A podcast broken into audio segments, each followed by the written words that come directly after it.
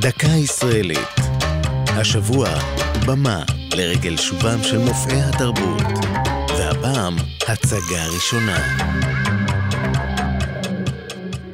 בחול המועד סוכות תרמ"ט 1890, על בימת בית הספר למל בעיר העתיקה בירושלים, עלתה ההצגה הראשונה בעברית בארץ ישראל. היה זה המחזה זרובבל, שביים דוד ילין, מורה וחוקר עברית, מגדולי המחנכים שקמו בארץ. המחזה שכתב הסופר יליד רוסיה משה לייב ליליאנבלום עסק בשיבת ציון ובראשית ימי הבית השני, משל לחלום שיבת ציון בעידן החדש. זרובבל נכתב במקור ביידיש, אך ילין תרגם אותו לעברית, וכך שילב בין החייאת השפה לתכנים הלאומיים. השחקנים, תלמידי בית הספר, עוררו התרגשות בקרב הקהל. מדי פעם נשמעו קריאות בראבו.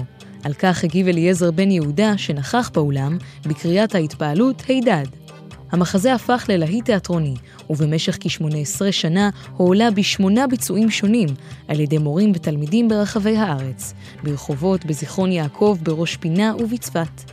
בעקבות הצלחתו נפתחה מסורת של העלאת מחזות היסטוריים בבתי הספר של היישוב היהודי בארץ ישראל. זו הייתה דקה ישראלית על במה והצגה ראשונה. כתבה עלמה רותם, ייעוץ הפרופסור אברהם עוז, עורך ליאור פרידמן.